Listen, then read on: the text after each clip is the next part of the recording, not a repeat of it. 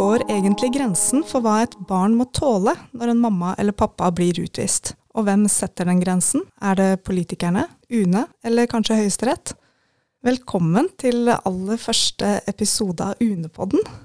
Jeg er Bente Jensen Baklien, og jeg skal be fagfolk i UNE gjøre noe de ikke vanligvis gjør, tenke høyt om dilemmaene de møter i jobben sin.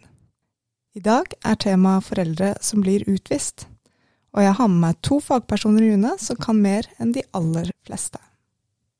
Den første er eh, deg, Marianne Granlund. Jeg kjenner jo deg som en eh, ganske ujålete fagperson, som tar eh, ting på strak arm og sier det som det er. Og det passer ganske bra i denne podkasten her. Men den egentlige grunnen til at du er her, er jo fordi at du leder den saksenheten som eh, har ansvar for disse sakene, altså utvisningssakere. Du, er, eh, du har jobbet i UNE lenge som leder, eh, og har også bakgrunn som nemndleder. Og du har bakgrunn fra UDI. Velkommen til deg. Takk skal du ha. Du har jo hatt eh, hele yrkeskarrieren din på dette feltet her. Eh, hva skjedde? Hvordan har det seg?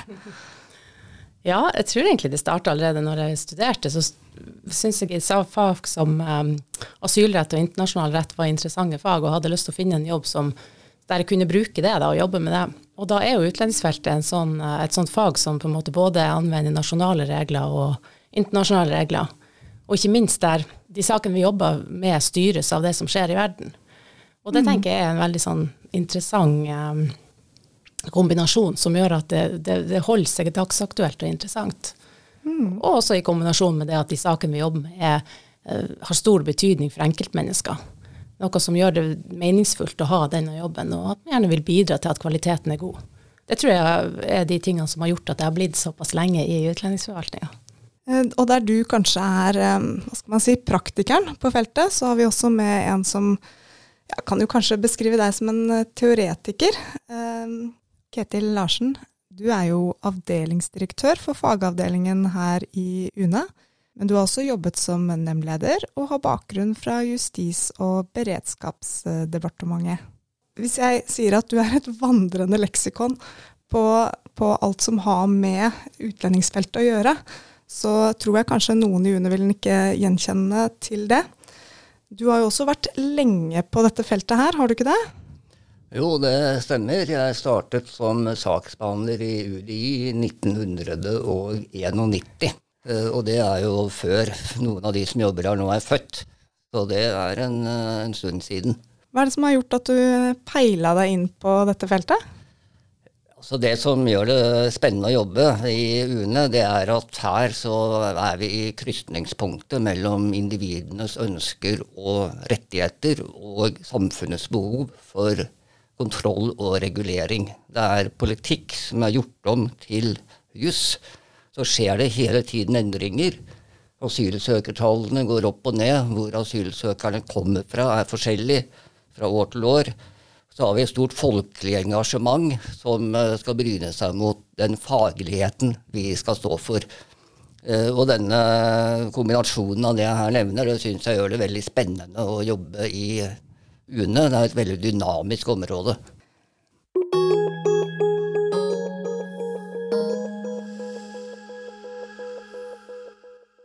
Marianne, er du klar for uh, faktaboksen? Ja. Og det, da er konseptet at jeg stiller noen korte spørsmål, og så vil jeg at du skal svare kort, altså én til to setninger. Marianne, å bli utvist, uh, hva betyr det? Dersom du blir utvist fra Norge, så kan du verken oppholde deg i Norge eller i Schengen-området, som i praksis vil si hele Europa. Hva kan man bli utvist for? Du kan bli utvist for at du er dømt for et straffbart forhold, eller at du har oppholdt deg ulovlig i Norge, eller at du har gitt uriktige opplysninger til myndighetene. En utvisning skal være forholdsmessig. Hva, hva ligger i det? Når vi gjør en vurdering om man skal utvise en person, så ser vi på den ene sida på hvor alvorlig det forholdet er som man skal utvises for. Uh, og på den andre sida, altså i den andre vektskåla, så ligger det uh, på den måten som denne utvisninga vil påvirke vedkommende som blir utvist, eller familien deres. Og det er den avveininga som skal gjøres. Det skal være en rimelig avveining der. Hvor mange foreldre er det UNE utviser uh, hvert år? Jeg har tall fra i fjor. Ja. Um, og da var det omtrent 90 saker der uh, en person som var en forelder, ble utvist.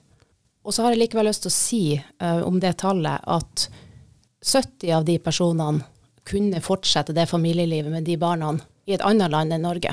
Og så var det 20 av de der det barnet ikke kunne følge med den forelderen til et annet land. Bryter uh, UNE barnekonvensjonen når uh, foreldre blir utvist?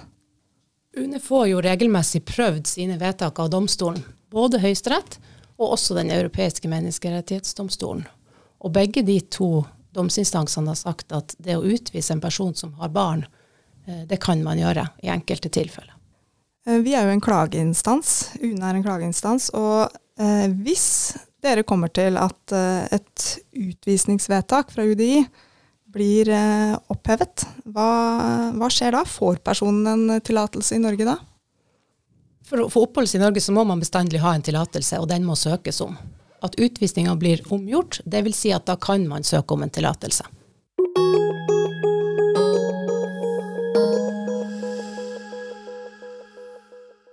Når vi nå snakker om uh, dette temaet her, foreldre som blir utvist, så er det jo eh, flere ting akkurat nå som gjør det temaet aktuelt. Og jeg tenker jo på eh, noen saker i vinter som høsta en del kritikk i mediene. Blant annet to mødre med barn i barnehagealder. Begge ble utvist for to år og eh, flere aviser skrev også om en firebarnsfar som ble utvist etter 22 år i Norge. Og disse tre foreldrene er jo ikke utvist fordi de er kriminelle, men fordi de har brutt eh, utlendingsloven. Og Hva er det vi snakker om da, Marianne, når vi snakker om brudd på utlendingsloven? Hva, hva handler det om? Ja, det er mange øh, plikter som en utlending må forholde seg til når man kommer til Norge. En av dem er at man må ha en tillatelse for å oppholde seg her. Man kan ikke bare komme hit, og hvis man da får et nei på en tillatelse, og bare fortsette å bli.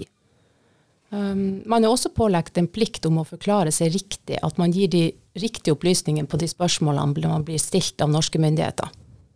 Uh, sånn at når man kommer hit og søker asyl, f.eks., og så blir man spurt om ja, hvor kommer du fra, hva har du opplevd, så har man en forpliktelse til å si det som er riktig, og ikke noe annet. Men uh, de er jo ikke kriminelle. Eh, de har jo ikke drept noen. Hvorfor, hvorfor, er det så farlig når man har bodd i Norge i mange år og har gått på foreldremøter i barnehagen? og eh, Kan de ikke bare få bli? Når de er så godt, Mange av dem er jo godt integrert. Det er ingen tvil om at mange av disse sakene som vi hører om er veldig krevende for de familiene som er involvert. Det er som du sier lang botid i flere av de, og, og de har barn også som er født i Norge. Så det er det ingen tvil om. Um, og så har lovgiver likevel sagt at det er viktig at det gis en reaksjon uh, der det i disse tilfellene uh, det er forhold som ikke har vært um, At tillatelsen som er gitt, ikke er gitt på de riktige forholdene.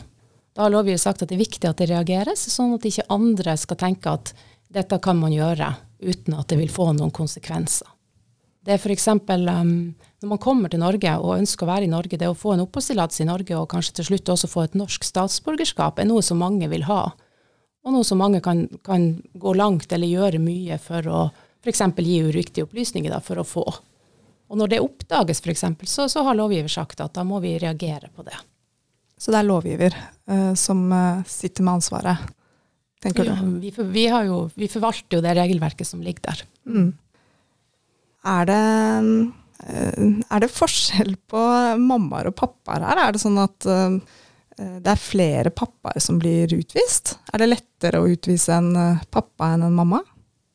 Rettslig sett er det jo ingen forskjell på mellom kjønnene på foreldrene. Det er det ikke.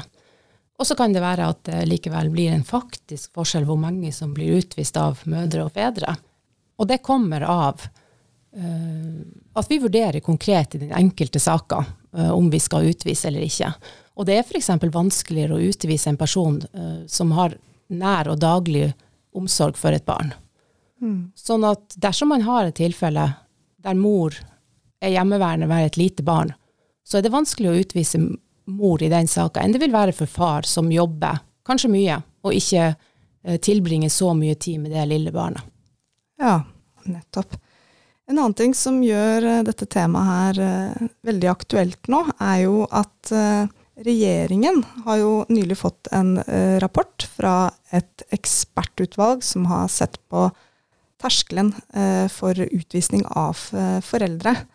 Eh, Ketil, du, eh, du, har jo eh, lest den grundigere enn meg, i hvert fall. hvilke endringer tror du kan komme i regelverket nå framover? Ja, det blir spennende å se. Nå er jo dette opp til politikerne. Det er jo de som må bli enige om hvilke endringer vi skal få. Og da tror jeg det er lettere for eh, politikerne å bli enige om hvordan sakene blir behandlet, enn endringer som vil føre til at veldig mange flere eller langt færre blir utvist. Eh, men når det er sagt, så har jo utvalget eh, delt seg i et flertall og et mindretall på noen punkter, mens de på andre punkter er enstemmige. Jeg tror nok enstemmighet i utvalget gir økt styrke til endringer. Og noe utvalget er enige om, men det er bl.a.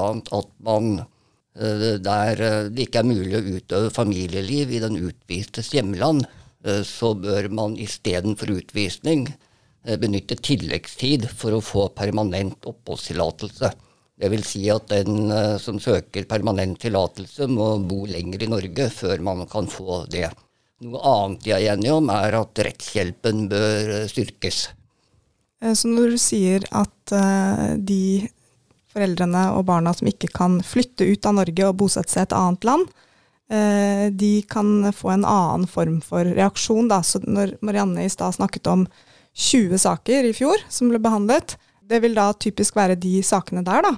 Det kan det være. og det, Nå er det jo ikke sagt at det utvalget foreslår nødvendigvis blir gjennomført nøyaktig slik de har formulert sine forslag. Det kan jo Eh, komme justeringer i et uh, arbeid, og det forutsetter uansett at det er politisk flertall da, uh, nå i første omgang gjennom regjeringen, og det flertallet de kan oppnå i Stortinget for endringer som gjelder lov. Hvis det er endringer i forskrift, så holder det at regjeringen selv er enig. Tenker du det er en god idé, eller? Dette med tilleggstid? Da er det heldigvis ikke min oppgave å drive politikk. Jeg skal forholde meg til de reglene som politikerne vedtar, og eh, det ønsker jeg å, å eh, fortsette med. Det er jo et veldig riktig svar her. Da. Hva med deg Marianne, tenker du at det kan være en god idé? Eller? Det er jo ganske inngripende saker. Ja, jeg registrerer i hvert fall at det er stor oppmerksomhet rundt disse sakene, både i media og um, blant uh, organisasjoner, altså NGO-er og uh, privatpersoner. Mm. Uh, så det er ofte at dette, denne tematikken kommer på politikerne sitt bord, i hvert fall. Ja, Det blir spennende å se hva, hva det ender med. og så har vi jo også, vi venter jo på en EMD-dom i disse dager. Kan du fortelle litt om, litt kort kanskje, hva den handler om? Ja, um, da kom det ei dame til Norge for ganske mange år siden og søkte asyl. Hun sa hun var fra Somalia, og at hun ble forfulgt der, og at hun ikke kunne reise tilbake dit for at hun ville oppleve uh, forfølgelse. da. Uh, på den bakgrunn fikk hun en asyltillatelse i Norge, hun fikk en oppholdstillatelse og fikk bli her. Hun var etter hvert så mange år at hun fikk norsk statsborgerskap. Og så gifta hun seg med en norsk statsborger, og fikk etter hvert fire barn som er født her i Norge. Uh, og så ble det på et tidspunkt i løpet av dette, etter ganske mange år etter at hun hadde gifta seg med den norske statsborgeren og fått noen av disse barna, uh, oppdaga det ble avdekket at uh, hun ikke var fra Somalia. Hun var ikke somalisk statsborger, som hun hadde sagt. Hun var statsborger av Djibouti. Og da politiet begynte å undersøke denne saka nærmere, så viste det seg at hun hadde ikke noe grunnlag for å bli her i Norge. Hun hadde ikke noe rett til å få asyl her. Hun kunne reise tilbake til Djibouti den gangen hun kom hit. Eh, og da er vanlig prosedyre at man tilbakekaller de tillatelsene hun har fått, for å si det sånn, da, at eh, de bortfaller. Hun har aldri hatt en tillatelse til å være i Norge. Og av den grunn så ble hun også utvist fra Norge for to år. Hun fikk et innreiseforbud til Norge for to år, dvs. Si at hun skulle reise fra Norge, og at hun ikke fikk komme tilbake til Norge og Europa, Schengen-området, på to, før det var gått to år. Da kunne hun søke om en ny tillatelse for eventuelt å komme tilbake igjen. Um, og så ligger det jo til sak at hun har en, en, ektefelle som er norsk statsborger, og som har sitt liv her. Hun har fire barn som er norske statsborgere, og har sitt liv her. Og deres oppholdsstatus ble jo selvfølgelig ikke berørt av dette. Um, så det er jo selvfølgelig en svært krevende uh, situasjon for den familien. Uh, hva skjer hvis, uh, når den dommen kommer, hvilken betydning vil det få for saksbehandlingen av, av lignende saker? ja, Først og fremst vil det jo få en konkret betydning for den familien. For den som er utvist her. Det vil jo avgjøre rettssituasjonen til mor i familien hvorvidt hun da skal forholde seg til den utreiseplikten og reise ut til Djibouti, eller om hun faktisk kan bli her i Norge sammen med sin familie. da. Og så er det jo sånn at eh, Hvis man ser på andre saker, så er det klart at en dom fra EMD har stor vekt og betydning inn i saksbehandlinga. Så da må vi jo, den vil vi uansett gjøre, uansett utfall, så uh, gransker vi og analyserer den nøye, den dommen selvfølgelig. Og så får vi jo komme tilbake til eventuelt hva, hvilken betydning det vil ha for andre saker. Det kommer jo an på bl.a. hvor konkret begrunna den er, og hva man går inn i, og på en måte ja, hvor generelt begrunna den er fra domstolens side. da. Dette er jo noen av de mest inngripende sakene som UNE, UNE behandler. Hva, hva, vil dere si er eh, dilemmaene i eh, utvisningssaker som berører barn? Ja, altså Et uh, grunnleggende dilemma er at det er uh, veldig gode hensyn som tilsier at den som bryter utlendingsloven, bør få en reaksjon. Og Samtidig så vil disse reaksjonene kunne gå utover da, barn, når det er uh, barn vi snakker om her. Den politiske utfordringen er jo da å lage regler som skal fremme innvandringskontrollen, og samtidig Eh, være ikke helt umenneskelige, men, eh, men, bygge på noen grunnleggende menneskelige hensyn. For oss i UNE så handler det om at vi skal ha individuell saksbehandling, men samtidig følge reglene lojalt og ha likebehandling. Vi har et skjønn, men det skjønnet må være rettferdig sett mot andre lignende saker så vet vi at uh, hos oss så er det menneskeskjebner, det er ansiktene bak tallene. Politikerne lager regler basert på litt bredere hensyn, men individene, de ser vi. Og uh, der er, kan man lett føle sympati med mange uh, som rammes. Samtidig så skal vi ikke la følelser styre oss. Vi må bruke vårt faglige skjønn og treffe korrekte vedtak etter de reglene som gjelder, men passe på å ikke bli for kyniske. Så alle som jobber i UNE bør sove godt om natta. Men i, i dette spennet så er det noen utfordringer vi, vi må møte og, og, tenke over da, i det daglige. Hvilke dilemmaer er det du tenker uh, finnes på uh, med tanke på disse sakene? Nei, jeg tenker det som aller først som vi føler på, spesielt i saken som vi nå har diskutert, det er jo det at det er barn som rammes i stor grad voksne på en måte kan, er tilpasningsdyktige og kan flytte rundt omkring og, og, uten at man preger seg stor, i stor grad av det. Men det er klart vi snakker om barn her, til dels små barn eller sårbare barn eller barn som er i tenårene uansett, som, må, som påvirkes av at de voksne uh, utvises. da. Og, og, de har jo ikke gjort noe så, i, i, den forstand for å komme i den situasjonen, de barna. Sånn sett er de uforskyldt. Må jo si at det er jo litt uh rart å lese Barnekonvensjonen og det som står i Norges grunnlov, paragraf 104, om at eh, barnets beste skal være et grunnleggende hensyn i alle saker. Eh, og, og, og, det faktum da, at ja, vår praksis er jo at foreldre utvises, selv om det ikke er til det beste for barnet. Hva, hva tenker dere om det, Marianne? Ja, det som jeg sier, det er krevende. Og så er det sånn som når Ketil nettopp eh, eh, sa noe om hvorfor det faktisk må være sånn, hva som er dilemmaet, og hva som på en måte er avveiningen.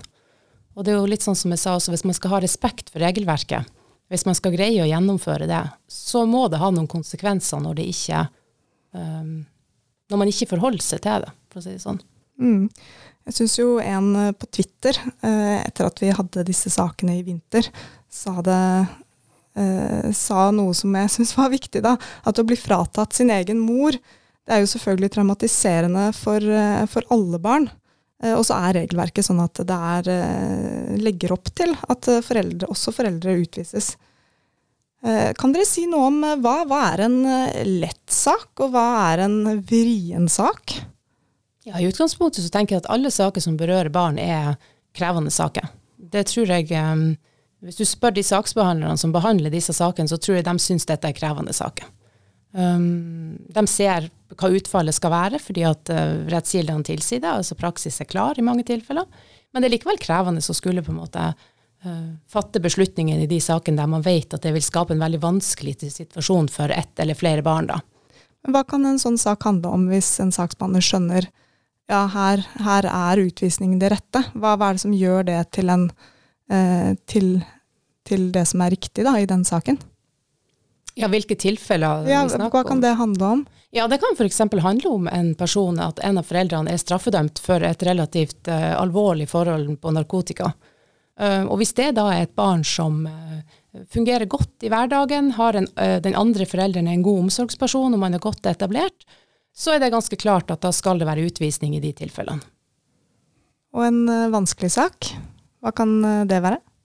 ja, en mye vanskeligere sak, f.eks. helt i andre enden av skalaen, er å snakke om det med på en måte omsorgssituasjonen kanskje har vært eh, eh ikke helt eh, 100% Foreldrene har kanskje hatt utfordringer, begge foreldrene. Eh, det, det, eller de barna har kanskje noen særskilte behov, eh, både, eller helsemessig, eller at man på en måte opplever vanskeligheter på skolen, eller eh, ja, ting som gjør at, at, det barnet har noen utfordringer, og vil de utfordringene bli større dersom en av de voksne blir tatt bort fra familien.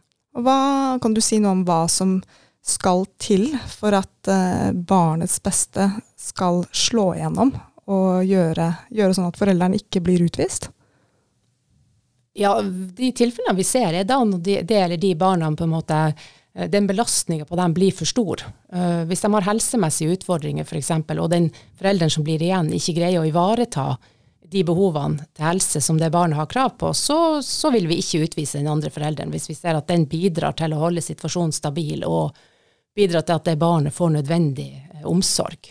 Så det må noe ekstra til, er det, er det riktig å si? Ja, det må ja. noe ekstra til. Den terskelen er ja, høy.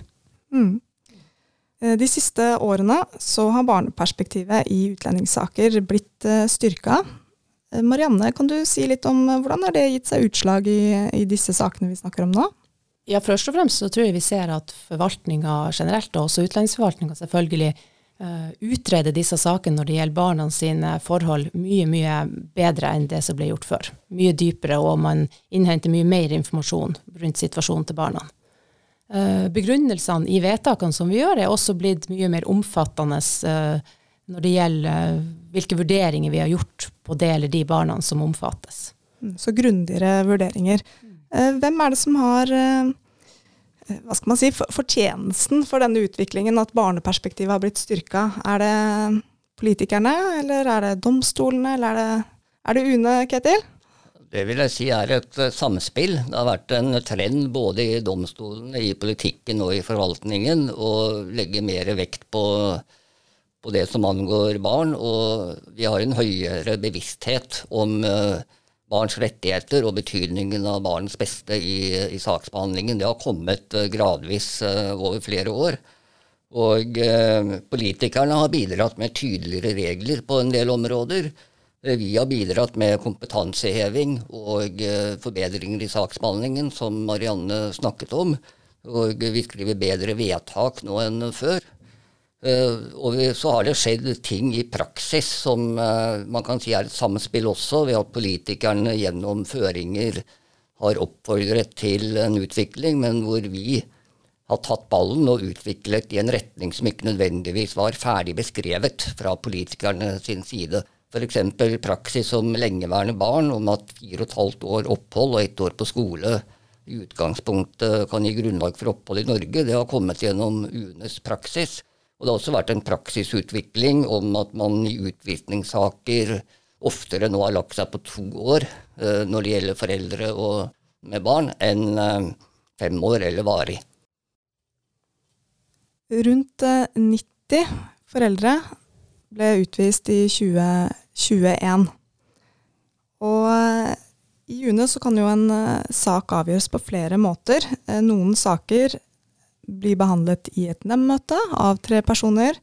Eh, en nemndleder og to nemndmedlemmer, mens andre blir eh, avgjort eh, av én nemndleder etter forberedelse av, av, av, en saksbehandler. Det jeg lurer på, Når jeg har sjekket opp det, hvor mange saker som har blitt behandlet i nemndmøtet i denne porteføljen her, så snakker vi om rundt 10% altså litt flere enn en det som er vanlig, da, hvis du ser på alle sakene som UNE behandler. Og da er spørsmålet mitt, Ketil, bør flere av disse sakene behandles av en nemnd?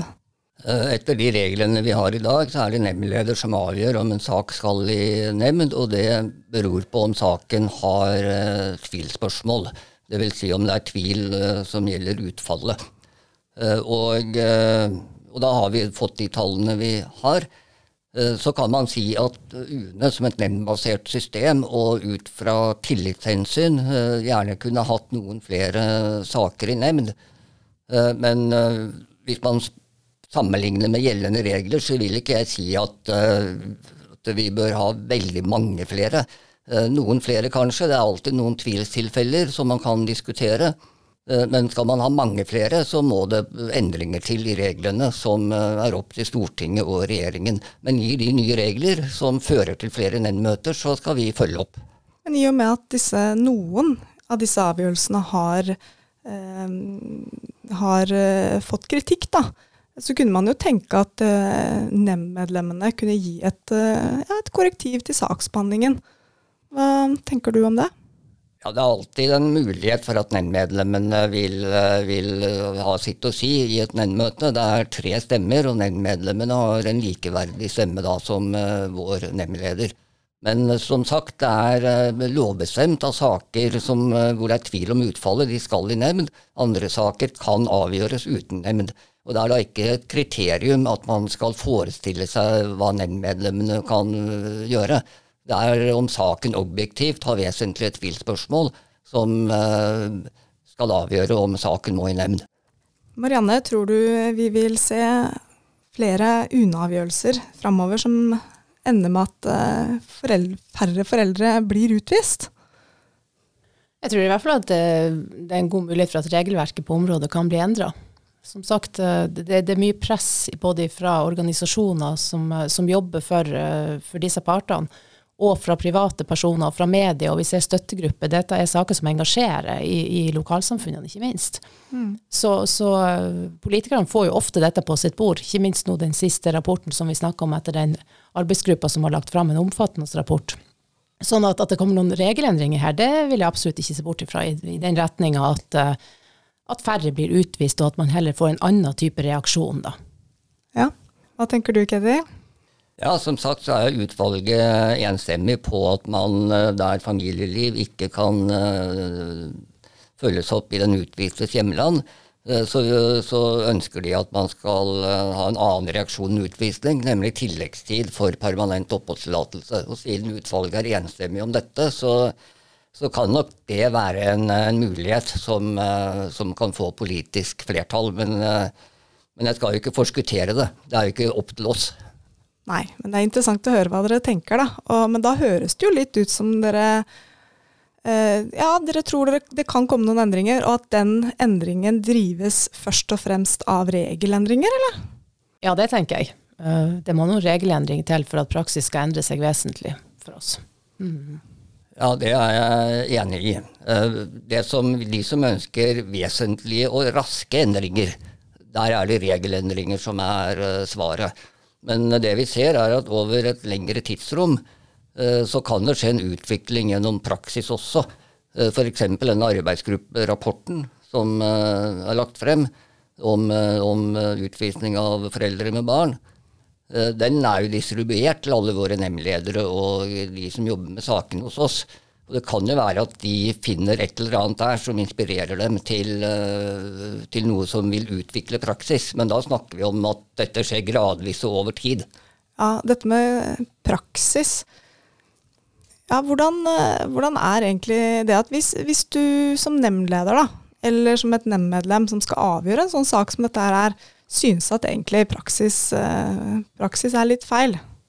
Eh, hvilket eh, handlingsrom kan de komme til et annet resultat da, i den saken? Ja, Det kommer an på nå, hva du mener med, med, feil. Altså Hvis man mener at praksis er feil ut fra hva man mener politisk, så er det sånn at vi ikke er et politisk organ. Vi er et uh, rettslig organ. Eh, Det er feil man- etter regelverket, ja, da. Så mener man at det er eh, feil etter reglene, som du sier. Eh, Da er jo spørsmålet for det første om saken er spesiell og har noe ved seg som skiller den fra mange andre saker, og som gjør at man uh, mener det er riktig å komme til et annet resultat i den enkeltsaken enn hva som gjelder praksis mer generelt. Men hvis det ikke er det, så er praksis en, en tung rettskilde. Vi skal ha likebehandling, og det er eh, et mål å, at uh, få- saker som ligner hverandre, får likt utfall. Men så kan det, som jeg nevnte, over tid likevel skje en praksisutvikling. Og vi har også mekanismer for eh, å endre eh, ting eh, hos oss. Man kan ta opp interne fagmøter, men også bruke stornemnd. Stornemnd er en avgjørelsesform med tre nemndledere og fire nemndmedlemmer som treffer vedtak med presedensvirkning. Og hvis man ønsker å endre praksis, så kan man argumentere for at vilkårene for stornemnd er oppfylt. En annen metode er å, å se om det har skjedd noe nytt som gjør at tidligere praksis bør endres. Hvis det har skjedd en endring i et hjemland hvor man vanligvis returnerer folk til, og mener at den endringen gjør at nå er ikke det forsvarlig lenger, eller det har kommet en ny høyesterettsdom som gjør at man eh, mener at nå må, man justere kursen, så har nemndleder og nemndmedlemmer eh, en rett og plikt til å vurdere betydningen av, sånne nye hendelser. Eh, og da kan jo det også føre til at, at vi får en utvikling i, i våre vedtak. Du nevnte stornemnd her, og sa at den hadde presedensvirkning. Hva, hva betyr det? Eh, Det betyr at det prinsippspørsmål som eh, stornemnda avgjør, det vil være det svaret stornemnda gir på det, vil være retningsgivende for både UNE og UDI i senere saker som, eh, hvor det samme spørsmålet kommer opp. Ja, Så de må følge det som står der Ja. i utgangspunktene. Og det har ikke vært en stornemnd på, på utvisningssaker som berører barn? Nei. Nei. Men hvis det skulle Hvis noen skulle finne på å behandle en sånn sak i stornemnd, så kunne det endre praksis, eller? Ja, da må man jo argumentere for at vilkårene for stornemnd er oppfylt, og så kommer det an på hvilke spørsmål som da øh, kommer opp. Eh, Det må jo være, det må jo være et rettslig spørsmål som, eh, hvor det er et handlingsrom innenfor gjeldende lovgivning, og ikke noe som krever ny lov. Marianne, har du noe å legge til eh, her, eller? Jeg, jeg tenker det man kan si, at alle de sakene, og det har jo allerede Ketil sagt, at alle de sakene som kommer til nemnd, der nemndmedlemmene skal være med og avgjøre, er jo saker som er tvil rundt resultatet. Sånn at det er ikke sånn at praksis er klar i de sakene. Så, så det er klart at nemndmedlemmene har et betydelig handlingsrom i forhold til å, å gi sin stemme på det resultatet man mener er riktig, og derigjennom kan endre praksis, hvis man mener det er riktig. Fordi de sakene som kommer i nemndmøtet vil jo ha en eh, betydning for praksis videre, for de sakene vi behandler. Det blir spennende å følge dette feltet her uh, framover. Og eh, hva som viser seg å trigge en endring hvis det skjer en endring. Jeg har et aller siste spørsmål til dere. Vi håper jo at det er noen som sitter og lytter på, lytter på denne podkasten, som kanskje hjelper de som har en sak hos oss, til å ivareta, ivareta sin sak. Eh, til dem som da vil overbevise UNA i en konkret sak om at eh, denne forelderen, den, eh, den burde dere ikke utvise. Hva tenker dere er det aller viktigste å få fram, Ketil? Ja, jeg vil anbefale at vi får eh, saken best mulig opplyst, og får frem om det er noe spesielt ved denne saken som skiller den fra andre saker. Det vil jeg anbefale at man legger litt arbeid i. Mm, Marianne? Ja, enig. Jeg tenker at ingen sak er lik, og ingen barn er lik. Sånn at det som er så veldig viktig, er å få fram vil, hvordan vil dette påvirke akkurat dette eller disse barna som berøres. Og med det så eh, sier jeg eh, på gjensyn. Og så vil jeg si at eh, hvis du som lytter på har eh, noen innspill eh, til podkasten, så kan du sende oss en mail på unepodden alfakrøllune.no. Ha det godt.